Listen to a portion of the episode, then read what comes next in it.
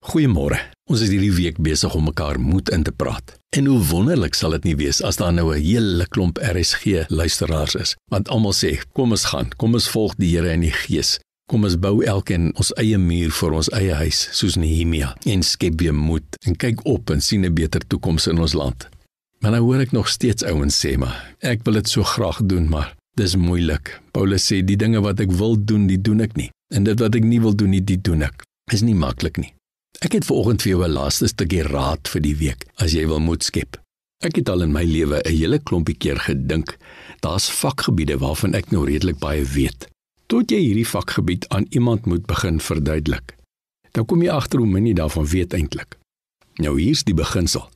As jy sê jy het nie baie moed nie, gaan soek dan iemand anders wat minder moed het as jy en praat hom moed in. Dan gaan jy uitvind jy leer baie meer van moed hou as die ander persoon want jy moet dink daaroor. Jy moet dink wat jy vir hom sê. Jy moet dink wat se raad jy hom vir hom gee. En jy moet hom in die meeste van die gevalle met raad en daad bystaan en daardeur leer jy meer as hy. As jy nie moed van jou eie het nie, gaan soek iemand wat slegter af is as jy. Wat hongerder as jy het en wat groter moeilikheid het as jy en minder geld verdien as jy en gaan praat daai persoon moed in. Gaan help hom om op sy voete te kom. Dis immers wat die Here Jesus vir sy disippels gesê het. Hy het nie vir hulle uitgestuur en sê gaan preek vir die mense nie.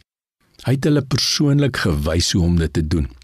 Hy het na mense toe gegaan en hy het met sy twee ou grouwe skrynwerkershande het hy aan mense gevat en hulle prakties gehelp. Soos ek en jy wil moet hê, gaan praat iemand anders moet in.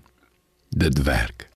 Daar's vir my min dinge so sieldodend soos as jy sukkel met iets en jy het moeilikheid en iemand kom en hy preek vir jou 'n klomp teorie of hy spel vir jou duidelik uit al die redes hoekom dit is dat jy nou in die moeilikheid is. Dan wil ek die hare uit my kop uittrek van frustrasie want met respek gesê ek het nie die preek nodig nie. Ek het nou iemand nodig om my fisies te help met my probleem. Kan jy jouself hierdie prentjie indink? Die Here Jesus is besig om te preek vir die skare en daar is hulle nou almal honger. En die disippels sê: "O, oh, is die kos nie." Wat doen die Here Jesus? Hy gaan staan nie daar en preek vir hulle. Ja, julle moes kos gebring het. Dit wys julle nou as julle so dom is om nie kos te bring nie, nou moet julle nou honger bly. Hy doen nie dit nie. Hy vat 'n paar broodjies en 'n paar visse en hy gee vir die mense kos. Ek glo as ek en jy ophou praat en preek en ons begin 'n bietjie doen, gaan ons 'n baie baie baie groot verskil maak in ons land as wat ons besig is om te doen. Seën vir jou.